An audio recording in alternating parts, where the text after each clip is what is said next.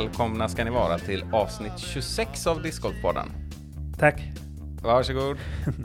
Ja, nej, men nu, nu är det på rullning igen. Avsnitt 26. Nu glömde vi att återkoppla det här, vår numerologihörna där förra veckan. Mm. Men eh, Det var ju jubileumsaktigt ändå ja, när det var den 25. nämnde jag Sådär. 25. Jag har inte så mycket på 25 i övrigt, men, eh, Nej. men vad, vad kan det vara? Att man...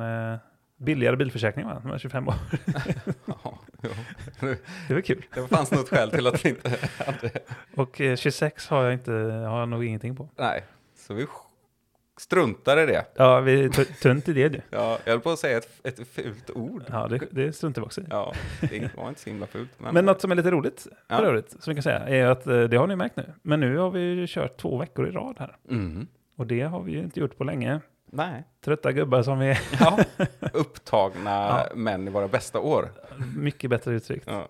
Helt klart. Nej, men så vi kör en liten testperiod här kan man säga. Och så ser hur det funkar att köra dubbelt för, eh, för allas trevnad. Mm. Vissa skulle nog tycka att det blir för ofta och sådär. Så det är inte helt givet det där. Men vi testar och ser när det blir. Ja, nej men absolut. Så vi kände att vi hade lite, lite möjlighet att, att experimentera, så då gör vi det. Ja, det är ju så kul det här också. Ja, det är ju faktiskt roligt. Och det är ett väldigt trevligt eh, tillfälle att ses och eh, utanför discgolfbanan också kanske lite sådär för våran del. Ja, exakt. Vi har ju faktiskt, träffas ju inte så himla mycket i övrigt. Särskilt inte nu när det har varit pandemi och sådär. Nej. Så eh, har man naturligt kunnat låsa in sig. Ja, men faktiskt det är så här, eh, och det är of, ofta därför kanske det tar lite längre tid innan vi kommer igång med själva inspelningen ofta, för att det är så här att man, det var länge sedan jag pratade med Rickard, så, så, så, det är så att man så här samlar tankar, som Ja. så här, ja, men vi ska ändå ses på inspelning imorgon, jag tar det då. Ja, och så glömmer man ju ändå bort Ja, det gör man i Ja. också. Men eh, det vi också kan konstatera är ju att det börjar ju, börjar väl snart känna att det blir lite vår här. Eller? Säsongen ligger runt hörnet och så vidare och på vissa sätt har den startat och det är olika i olika delar av landet och så vidare. Men Ja. vi, eh, det kliar ju lite i fingrarna eftersom vi har anmält oss också till lite tävlingar och vi har varit inne på Mm. det tidigare också. Ja, men det är ju ett vårtecken eh, på något sätt. Och det, det, är ju, det är ju trevligt. Vi nämnde att vi hade använt oss till Heatland Open och sådär. Och nu har vi ytterligare några tävlingar som vi har använt oss till. Som vi tänkte vi skulle ja, men hoppa in i lite här och, och redogöra för och fundera lite kring. Och jag har väl använt mig till fem tävlingar minst skulle jag säga. Ja, och jag är väl där i krokarna också. När jag har liksom börjat anteckna i kalender och så vidare så har jag ju insett att det här blir ju, det blir ju bara massa eight years. ja, Och vad det betyder ska vi återkomma till senare i programmet. Men exakt. det ligger tonvikt på större tävlingar, flerdagars tävlingar med minst tre rundor. Väldigt få, alltså det har inte passat in i kalendern helt enkelt med de här endagstävlingarna. Som jag, jag är lite stressad över att jag inte har fått in. För att det är, jag vill ha dem. Ja, Jag men det kan vara framförallt försäsongen då, kanske som någon typ av uppvärmningstävling, liksom sådär, Ja. eh, om inte annat. Jag gillar ju att tävlingsträna, Mm. eller jag behöver det. Mm. Jag har alltid behövt. Och det är lite konstigt nu att min första planerade tävling är Lundbyparken i slutet av april. Mm. Av det- flera anledningar. Ja. Bland annat att vi, varken du eller jag någonsin har spelat den banan. Ja, det är en eh, aspekt av det. Och för att man liksom håller på med någon sorts försök till förberedelser och få igång kroppen och tekniken och puttning och allt vad det kan vara. Och så märker man här att ja, det är bara si och så många veckor kvar och det är, Ja, det är, det är inte många dagar när man tänker efter heller. Och sådär. Som det ser ut nu är det liksom min premiärtävling 2022. Nej, vi nä- nämnde ju det förra veckan att vi hade börjat eh, träna ordentligt ihop och sådär och, och för att komma i form. Jag insåg väl också det, så här, nej men nu jäklar ska vi köra på. Och jag, min första tävling är ju 13 mars. Jag kommer ju aldrig hinna i form. men eh, bättre sent än aldrig som man brukar säga. Du får också sikta på 2025. Jag får nog göra det i den här takten.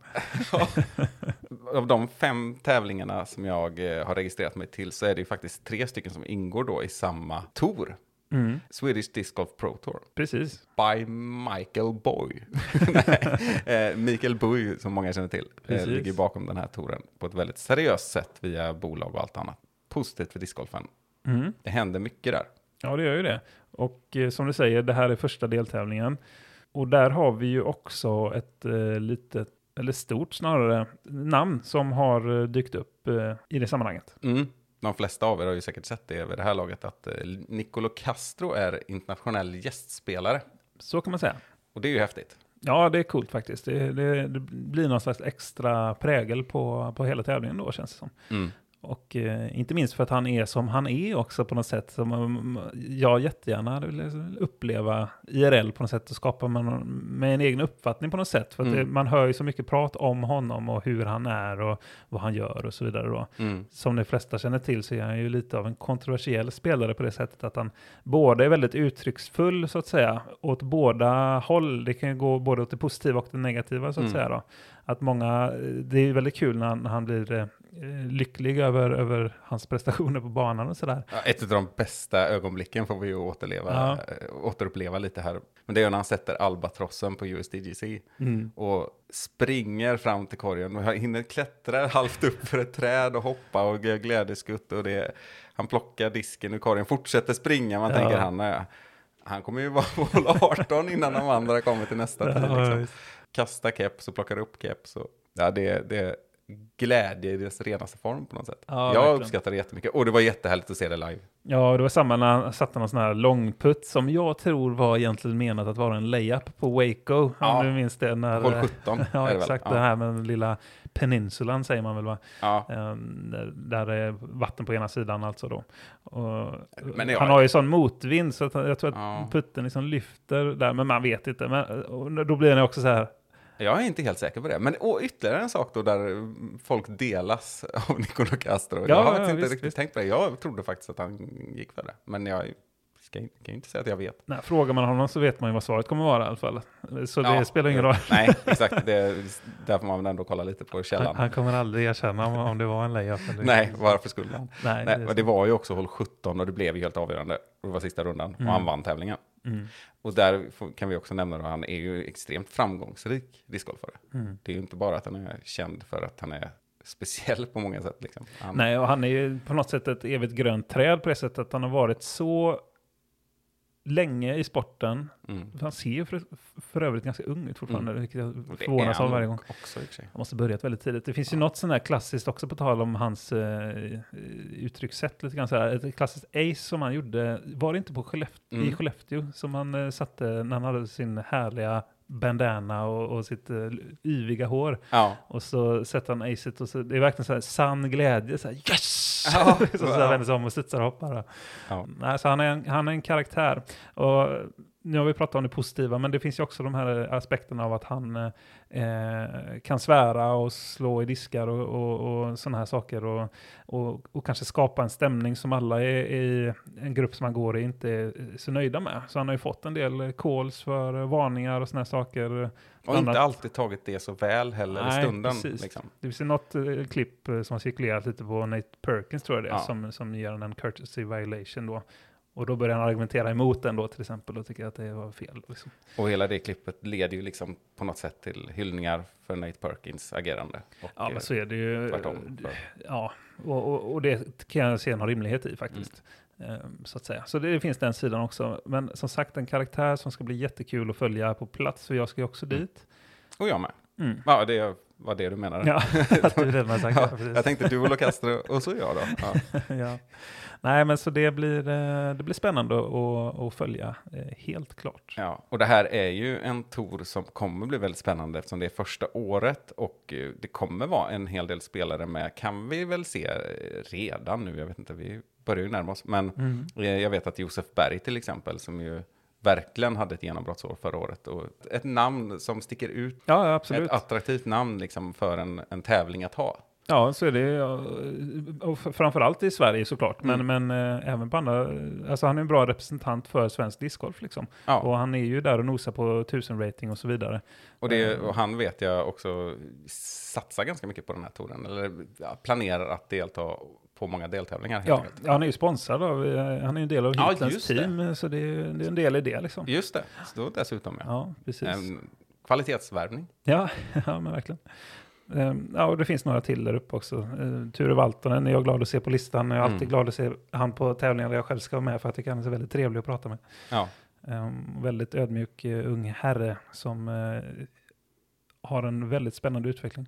mm. och det finns ju gott om talang överlag i det här startfältet också. Vi kan bara nämna snabbt att eh, även eh, årets stjärnskott som vi nämnde förra avsnittet, Hjalmar Fredriksson är med.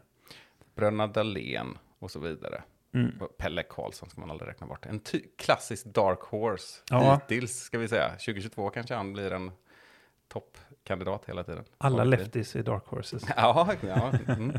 Nej, så det ska bli kul helt enkelt. Och som sagt den här banan då som, som eh, Oskar, som vi har varit lite i kontakt med faktiskt, eh, har eh, designat och jobbar med. Privat bana. Ja, det, det ska bli väldigt eh, kul att, sätta tänderna i den. Mm. Och eh, även eh, lära känna honom förhoppningsvis då. Mm. Vi får se. Eh, vi eh, kanske får tillfälle att prata med honom när vi kommer upp. Det hoppas vi. Mm. Så det är en av de tävlingarna vi har anmält oss till. Utöver det så är det ju en annan stor svensk tävling som i en liknande kontext kan man säga. Som eh, heter Swedish Open, eller hur Rickard? Ja, och den spelas ju för andra gången. Första gången var 2019 och vi har pratat om det förut också. Ja. Eh, definitivt en A-tier, inte en B-tier. eh, och det här är ju, det är ju häftigt på många sätt just också för att Borås är ju på något sätt Sveriges discgolf-mecka. Ja, det Mm. blir ju det mer och mer. Alltså av alla möjliga skäl. Fina banor, många banor, mycket spelare och så vidare. Stark klubb, Mm. eh, och alltihopa. Och det märks ju också redan nu kring det här arrangemanget och sen många veckor tillbaka. Eh, bland annat så satsar de ju då på att ha en, eh, vad ska man kalla det, spelarförläggning på något sätt. Alltså en, en, en Swedish Open-by, SO-byn. Ja, precis. Istället för OS-byn då. De har gjort eh, en sån liten tappning på det. Precis, för det finns ju då en camping som ligger faktiskt ganska centralt får man nog ändå säga i Borås och dessutom har en niohålsbana Ja. på sig. Den har jag spelat faktiskt. Jag med. Mm. Inte så variationsrikt, men jättebra att ha på en eh, camping där man bor i samband med tävling. Ja, verkligen. Jag står och nötta på puttar om inte annat. Så ni som har börjat tänka, eller förhoppningsvis redan har tänkt och anmält er till Swedish Open, missa inte det här då. Att eh, skriva upp er på eh, den här byn, att bo på den här campingen. Det är ju fantastiskt kul om vi är många som gör det. Jag och Simon kommer bo där i alla fall. Mm. Det känns som vanligt när det handlar om Ymer och i detta fallet då Toren. Väldigt proffsigt. Och tanken är att det ska finnas liksom representanter för tävlingen på plats och styra upp kanske roliga grejer och allt vad det kan vara. Och det kommer bli toppen, det, det vet vi redan nu. Mm. Ja, och här ser vi också en väldigt bra uppslutning av eh, registrerade spelare, får Mm. man ju säga, på både MPO och FPO. Eh, För där kan vi dyka in eh, direkt. Vi har ju 15 registrerade FPO-spelare på Swedish Open. Till exempel fyra danskor och två norskor. Väldigt roligt. Ja, jätte, jätte, jättebra. Så det, det är positivt. Sen har vi ju stora delar av Sverige-eliten eh, på MPO också som är, som är anmälda här. Som Karl Ulvinen och Simon Kappling och Henrik Hagman och så vidare. Mm. Så det, det blir en häftig tävling det också. Och en bana som har varit under utveckling länge och har gjort en del större förändringar. Så det blir nog också lite av en nytappning på den fronten. Mm. Den här tävlingen har ju ganska tidigt haft många registrerade från början också. Det är Mm. många som är sugna på den här. Och många relativt lokala, om man säger så, då, regionala spelare med framträdande positioner eh, vet att det här är någonting man inte vill missa. Nej, nej, precis. Här kan vi också nämna att det är en av få tävlingar som Linus Karlsson går att ses under året. Ja, jag tror det är den enda svenska tävlingen förutom eh, som inte är SM-relaterat då. Ja, Som han har med på sitt tour schedule. ja. Och då ska vi väl säga att det han har sagt är väl att han verkligen hoppas att han hinner hem och den finns med på hans eh, schema i alla fall. Mellan USA-tourerna. Jäklar, vad, det är så roligt. Ja, jag, det är så, jag är också väldigt taggad alltså på eh, ja, att följa honom, inte minst då såklart eh, Linus Karlsson och se När jag, när jag läste igenom hans tour schedule, det är ju alltså, det är många tävlingar han ska spela i USA. Mm. Och jag ska bli förvånad, nu ska jag inte lägga någon press på pojken, men jag blir förvånad om han inte är på något lead card i sista runda på liksom typ Jomes eller eh, Disc Golf Network eller sådär. På någon av de här tävlingarna åt, åtminstone. Ja. Nej, jag Så bra är han. Definitivt. Eh, Det enda som oroar mig då är hans eh, eh, bristande erfarenheter i den här typen av sammanhang. Liksom. Mm. Han har ju inte spelat så mycket i USA innan. Han har ju varit där, men han har inte varit där så långa perioder och spelat så här många tävlingar. Nej. Så eh, det går inte att jämföra med de som varit där i tio år och spelat och kan de här banorna som sin egen bakficka. Liksom. Nej. Det, det är ju, han slår ju underläge på den fronten. Så är det. Och samtidigt så brukar jag lyfta fram på något sätt att eh, Linus har väldigt få svagheter egentligen. Mm. Och en av hans främsta styrkor är just det här psyket. Liksom. Mm. Alltså är det någon jag skulle sätta med ögonbindel och skicka över Atlanten liksom, och anpassa dig och fixa det här, då är det ju han. Ja, men det känns lite så här vatten på en gås ibland på, på ett positivt sätt liksom, eh, med sådana här saker för Linus. Att det är som du säger, han känns lite så här obrydd i, Ja. i, stri- i stridens hetta på något sätt. Och det, Ja det är ju en egenskap eh, som är väldigt bra att ha i, i sådana här discgolf-sammanhang. Verkligen. Jag, jag tror extremt hårt på honom. Mm. Och det är ju egentligen kan ju också översättas till en av våra andra svenska USA-tourare i år, Max Rudjetnik, som också känns som en sån person som har ett väldigt sånt iskallt psyke, Mm. sådär, liksom som, som är väldigt manjana till eh, saker och ting på ett, eh, också på ett bra sätt. Ja. Alltså inte det att han inte är, Nej, det, man får inte tolka det som att han inte skulle vara professionell på något Nej, sätt. Det nej. det är, han är ju motsatsen till det. definitionen av, Ja. det, liksom ja, professionell, eh, och, och inte det att han inte är engagerad, det är inte så jag Nej. menar, utan snarare bara att han, han känns som en, en sån som liksom bara är bra på att hålla fokus på rätt saker liksom. Mm. Och det, det är nog väldigt eh, viktigt i, i, i det här. Mm. Så han har också ett ganska så saftigt eh, schema som man kan följa om man går in på respektive persons Instagram. Då. Mm. Och det är ju den här helgen det brakar igång för Linus och ja, hela discgolf-proffstouren. Las Vegas är runt hörnet. Ja, ja, exakt så. Precis, och det, det är ju det är som du säger, All-Star Weekend i all ära, men det, det är på något sätt här som startskottet går ju, som Mm. du är inne på. Och det, eh, kollar man på startfältet där så han är ju, han är ju liksom typ, eh, vad kan det vara, tolfte rankad eller någonting Mm. i, i, i fältet. Och det är ju inte dåligt när man ser till att de som man har framför sig är ju Wysocki och Eagle och Heimberg liksom och, och det gänget. Ja, men och det är ju det att han, han, har ju, han går in med en 1035 rating. Ja, Och det är ju extremt högt. Alltså vi sitter ju och, och tänker att eh, många av de här amerikanska MPO-spelarna är någon sorts gudar. Liksom. ja exakt. Alltså vi har, han, han ligger ju på samma ratingnivå som James Conrad. Regerande och, världsmästare. Ja, Mm. och Kevin Jones och liknande superstjärnor inom sporten. Och jag vill ju hävda att han har ju inte fått de här ratingpoängen billigare än dem. Snarare tvärtom. troligtvis tvärtom om man, om man, eh, kan ha, om man har någon typ av känsla för ratingsystemet så känns det ju så. Mm. Men det, vi kan ju inte svära på det, men det, det känns som att det är lättare att få upp ratingen på stora tävlingar i USA än Mm. det man härvar runt i Europa. Nej, men just det här det mentala som vi pratade om. Alltså, alltså, jag, jag, han kommer ju vara obrydd på att gå i något lead card. Det kanske inte är helt obrydd, men om det är någon som kan hantera det. Eh, att veta att kamerorna är där och det andra. Det har han ju visat gång på gång. Jag menar redan 2018 i The Open liksom. Ja, Han, ju- han var ju fjunig då, alltså på riktigt. Han har ju inte spelat discgolf länge än, som går in och presterar så otroligt bra. Ja. Eh, det ser ut som att han hörde hemma på både prispallen och, och på carden han gick på, så, så att säga. Ja, och det är fyra år senare. Vad ska man resonera kring att ja, men det har ju varit så överlägset på SM och det ena och andra. Ja, men han, han hängde ju med i pressen där på EM, liksom. Inga problem. Alltså, det, om något så blir det ju också att åka över till USA och slå ur absolut underläge, liksom. Mm. I alla fall på plats. Så det är ju ingen som, kan inte jag tänka mig, pratar upp honom för mycket på det sättet som skulle bli obekvämt för honom. Det kan ju vi hålla på med här nu istället. Ja, nej, vi är nog de som gör det mest i så fall. Ja, så att säga. Jag tror det är många i USA som inte ens vet vem det är. Nej, eh, fram tills nu liksom. Nej, och, och det har nog varit gott snacket liksom. Men det är ju inte som att han går in och har någon press på sig jämfört med alla de där Mm. andra, de vi nämnde, som ligger på samma ratingnivå såklart. Och det är ju okej för Kevin Jones att komma på plats 40 ibland. Mm. Liksom. Så att, ja, och det där vet ju Linus, vi behöver inte säga det till honom. Jag är helt, jag är helt, jag är inte dugg orolig för att vi sitter här och sätter någon sorts press på Linus. Det gör han själv. På Ja, ett ja, väldigt konstruktivt sätt liksom. Jo, han, eh, han verkar eh, vara en herre som vill prestera, så att säga. Ja, och mina upplevelser av att spela mycket med honom, det är också det här att, eh, att man reagerar på folk som när de blir lite förbannade sådär. Och så Mm. ska man liksom in och vet, stötta upp eller vad det är. Och Mm. särskilt då om man som jag är lite äldre eller sådär. Med Linus vet man alltid, jag har säkert nämnt det här förut, men att det kommer ingenting negativt utav han när han blir sur och muttrar Mm. eller liksom vad det nu kan vara. Han har ju aldrig, vad jag vet, betett sig illa heller den, för den skull. Men just det här att man, liksom, ja men det är ju många hål kvar mentaliteten liksom.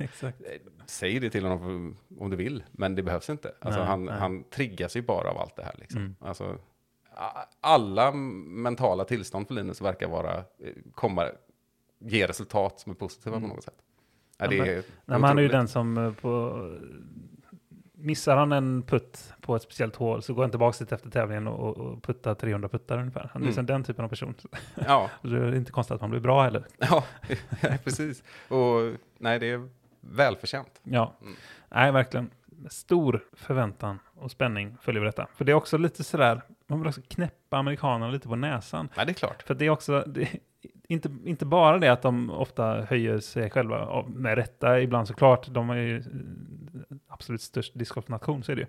Men det är också så här, att de säger ofta att eh, ja, vi får inte räkna bort finnarna som inte har kommit hit. Eller det är Nej, alltid liksom nej. fokus på finnarna snarare än Europa nästan, inte alltid. Men, Mm. men ibland är det så. Så då är det kul om det kommer någon annan uppstickare förutom till exempel Kristin Tatar eller sådär. Ja, och de är ju, alltså det kan jag ju säga med gott samvete att eh, amerikanerna där är ju ganska blinda för omvärlden. Ja. Eh, inte minst i liksom discgolfsammanhang. Ja. Mycket är det ju så. Men också väldigt, säkert, säkert väldigt välkomnande och jag tror att de också skulle tycka det vara kul. Både spelarna, konkurrenterna och eh, allmänheten på något sätt, discgolf-communityn, Mm. tycker att det var roligt med den här konkurrensen. Det tror jag definitivt. Ja, och, det, och det, den uppfattningen har jag fått från i stort sett alla håll, så att säga. Som. Det är möjligtvis PDGA som jag kan ty tycka ibland kan kännas lite, om jag tar en avstånd lite grann från Europa i vissa sammanhang. Och Mm. det är ju tråkigt. Ja, Men alltså, jag vill använda uttryck som arrogant. Ja, ja, men på gränsen till i alla fall, absolut. Men däremot så, som du säger, spelarna och communityn i övrigt, väldigt så välkomnande och vill liksom ha den här gemenskapen mellan Europa och USA och, Mm. eh, och så inom sporten. Och det är ju någonting att peka på. Mm. Kul! Ja, J- Jingel! Smäck! Vi har nämnt det några gånger under tidens gång här. A-tiers hit och B-tiers dit och Ja. inte minst C-tiers någon annanstans. Exakt, och vi fick ju också en eh, fråga på Facebook då från Mikael Selvin. Han bad oss då gå igenom skillnaden mellan A, B och C-tiers och vad det innebär för mig som spelare i praktiken. Just det, Så det får vi göra. det gör vi gärna. Men då får vi nästan börja någon annanstans. För att det finns nämligen fler tiers så att säga. Eller vi kan kalla det då för eh, nivåer av PDGA-sanktionerade tävlingar. Av de man listar upp då så är A-tier den, den, vad ska man säga, högst, högsta nivån då. Men det finns även högre än så, nämligen det som kallas för PDGA Majors. Ehm, och det är då den högsta tieren då egentligen. Och här har vi då tävlingar som World Championships, eh, National Championships i USA då, och eh, även eh, det som kallas för PDGA Champions Cup. Men också tävlingar som, European Open. exakt. Ja, det kanske inte var något mer. Nej. Så, nej, precis. Den fick vi med. 2022 så är det de fyra i alla fall. Och det, Ja. det är väl... Det finns ju någon sorts tanke hos vissa i alla fall att eh, discgolfen också ska få ett, ett fast antal eh, Mm. till att börja med Just tror jag. Och kanske då också att det ska vara just de här. Ja, men det är lite som man kan höra i till exempel tennisen eller, eh, eller eh, traditionella golfen att eh, eh, he's the second player in history to win all five majors eller Mm. något sånt där till exempel. Mm. Och att det, det hade varit ganska snyggt att ha någon sån, eh, som vi pratade om lite tidigare där med, med fasta, eller i förra avsnittet, eh, med, med sån här fasta eh, tävlingar som blir något klassisk eh, känsla kring. Mm. Och det är väl lite det man, man strävar efter. Men det har i alla fall inte varit liksom ett eh, visst antal. Eh, det har nog varierat ganska mycket. Eh, men i år är det de fyra i alla fall. Precis, och då finns det ju olika punkter som ska liksom uppfyllas då för att, för att det ska få kallas eh, mayors då till exempel. Eller det gäller ju alla de här olika nivåerna, att de har olika saker som ska uppfyllas då. Att, eh, menar att man måste ha PDGA membership till exempel. Det finns liksom olika små eller stora spann på, på tävlingens storlek rent, eh, eh alltså eh, hur många dagar och så vidare som det ska hållas. Och även eh, storlek på payout, alltså den, eh, den eh, summan som spelarna eh, får då. Och att det ska vara en viss del av eh, inträdesavgiften och så. Mm. Och det varierar lite hur de här eh, kraven ser ut då. Och sen så får vi väl nämna att man kan ju inte, jag tror inte man kan ansöka liksom vem som helst om att vara en major bara man uppfyller kraven. Utan det, där är det någon selektion som Ja, sker givetvis exakt. på den nivån då. Det sticker ut lite. Och jag tror faktiskt att den typen av eh, krav eller eh, urval sker faktiskt ända ner till A-tier också på vissa sätt. Jag tror att man måste liksom ansöka om det på något sätt, i alla fall i USA och sådär. För att de har ju ett speciellt A-tier-schema som ska komma ut vid en viss tidpunkt och sådär. Men jag tror inte att man alltid behöver förhålla sig till det i Europa eller Sverige. Nej, det och jag kan... kan ha fel kring detta, men jag tror att det är. Men under det så är det väl i stort sett fritt fram Mm, att registrera en sån tävling. just det. eh, tror jag. Förutsatt att du uppfyller kraven. Då. Sen listar ju PDGA också en speciell nivå som heter Elite Series som uteslutande är Disc Pro Tour event. Men vi hoppar lite grann förbi det, tänker jag. Ja, den är inte så... Vi behöver inte veta så mycket om den i och med att vi inte kan själva hålla i sådana ändå och så vidare. Nej, och vi, eftersom frågan också gällde A, B och C här. Mm. Eight years, Simon. Vad är det för krav på det? Det är till exempel att det ska vara mellan två och tre dagar med minst 54 hål som ska ingå i, i aktuell tävling då. Och vill du slippa huvudvärk av huvudräkning så är det alltså tre stycken 18-hålsrundor minst. Ja, exakt. Och det får man ju välja då om man vill lägga det fredag till söndag eller till exempel två runder på lördag och en på söndag. Och, sånt där. och det har vi sett att det har varierat på vissa av våra inhemska A-tiers då som nationella torer och sånt där som har vari- varierat lite upplägg och så. Och här ska det också ske 100% utbetalning av det som har kommit in netto till tävlingen genom anmälningsavgifter. Plus att det måste finnas 3000 dollar minimum i added cash som det heter då. Mm, precis. Och det är där det finns skiljer sig också mellan de här A, B och C-nivåerna då. Mm. Och det ska vi också tillägga att det här gäller alltså MPO och FPO-nivåerna då. Och så lite andra regler som också är specifika för amatörklasserna. Mm. Eller divisionerna. Där har du det egentligen i ett nötskal, men i, för B-tier-nivån då, där blir ju skillnaden plötsligt att det ska vara en till tre dagar. Då kan det ju vara en endags evenemang Ja, och 36 hål. Två runder alltså. Ja. Mm. Precis, så där det är liksom lite mindre eh, samt att det är eh, mindre krav på det här added cash då som vi pratade om. Då är det 750 dollar istället för 3000 dollar. Så det är ganska stor skillnad faktiskt. Sen så kan man såklart se B-tier-tävlingar som har en större pro purse än så. Men det är som sagt ett minimumkrav. En annan sak som skiljer också som är hoppet n- alltså mellan Majors och Elite Series som jag noterar nu. Det är ju också att man måste på de två hö- högsta nivåerna ha genomgått ett sånt här eh, prov, regelprov. Man måste alltså vara en official. Och det Precis. är alltså ett regelprov som man gör på PDAs hemsida, betalar 10 dollar och det varit förut och så gäller det i tre år. Exakt, och det är ofta sånt som man annars behöver göra om man ska vara en tournament director. Just det. Och om du själv ska hålla en PDGA-tävling, om det så är en C-tier som en A-tier spelar mindre roll, du måste ha en sån här då. Men då behöver du alltså det för att spela Elite Series eller Majors också. Det kan man ju säga som ett tips att eh, gå in och kika på det här och göra det här testet, Ja. även om du kanske inte har närliggande planer på att varken spela Major eller vara en eh, Tournament Director. För det är bara ett allmänt eh, bra sätt att, eh, att lära sig hur det fungerar och lära sig lite regler och sådär. Ja, det är ju verkligen att rekommendera och det är ju krångligt det här och det är jättebra att liksom få en grund där. Sen är det ju, jag kan ju nästan tycka, jag har gjort det några gånger, jag kan nästan tycka att tre år är ju väldigt lång tid Ja. med tanke på hur mycket och konstigt de ändrar reglerna varje år. Det, det tänker jag väldigt ofta på när det gäller körkort i Sverige, att man inte har någon sån förnyelsevariant. Ja, faktiskt. Vilket också är väldigt märkligt. Ja, Jag menar, min mormor som tog körkort liksom på eh, 60-talet, eller vad det nu är. Hon borde ha gått någon ny åtminstone, om inte en uppkörning så åtminstone någon typ av teorikurs. Liksom. ja, ja men lite så. Mm.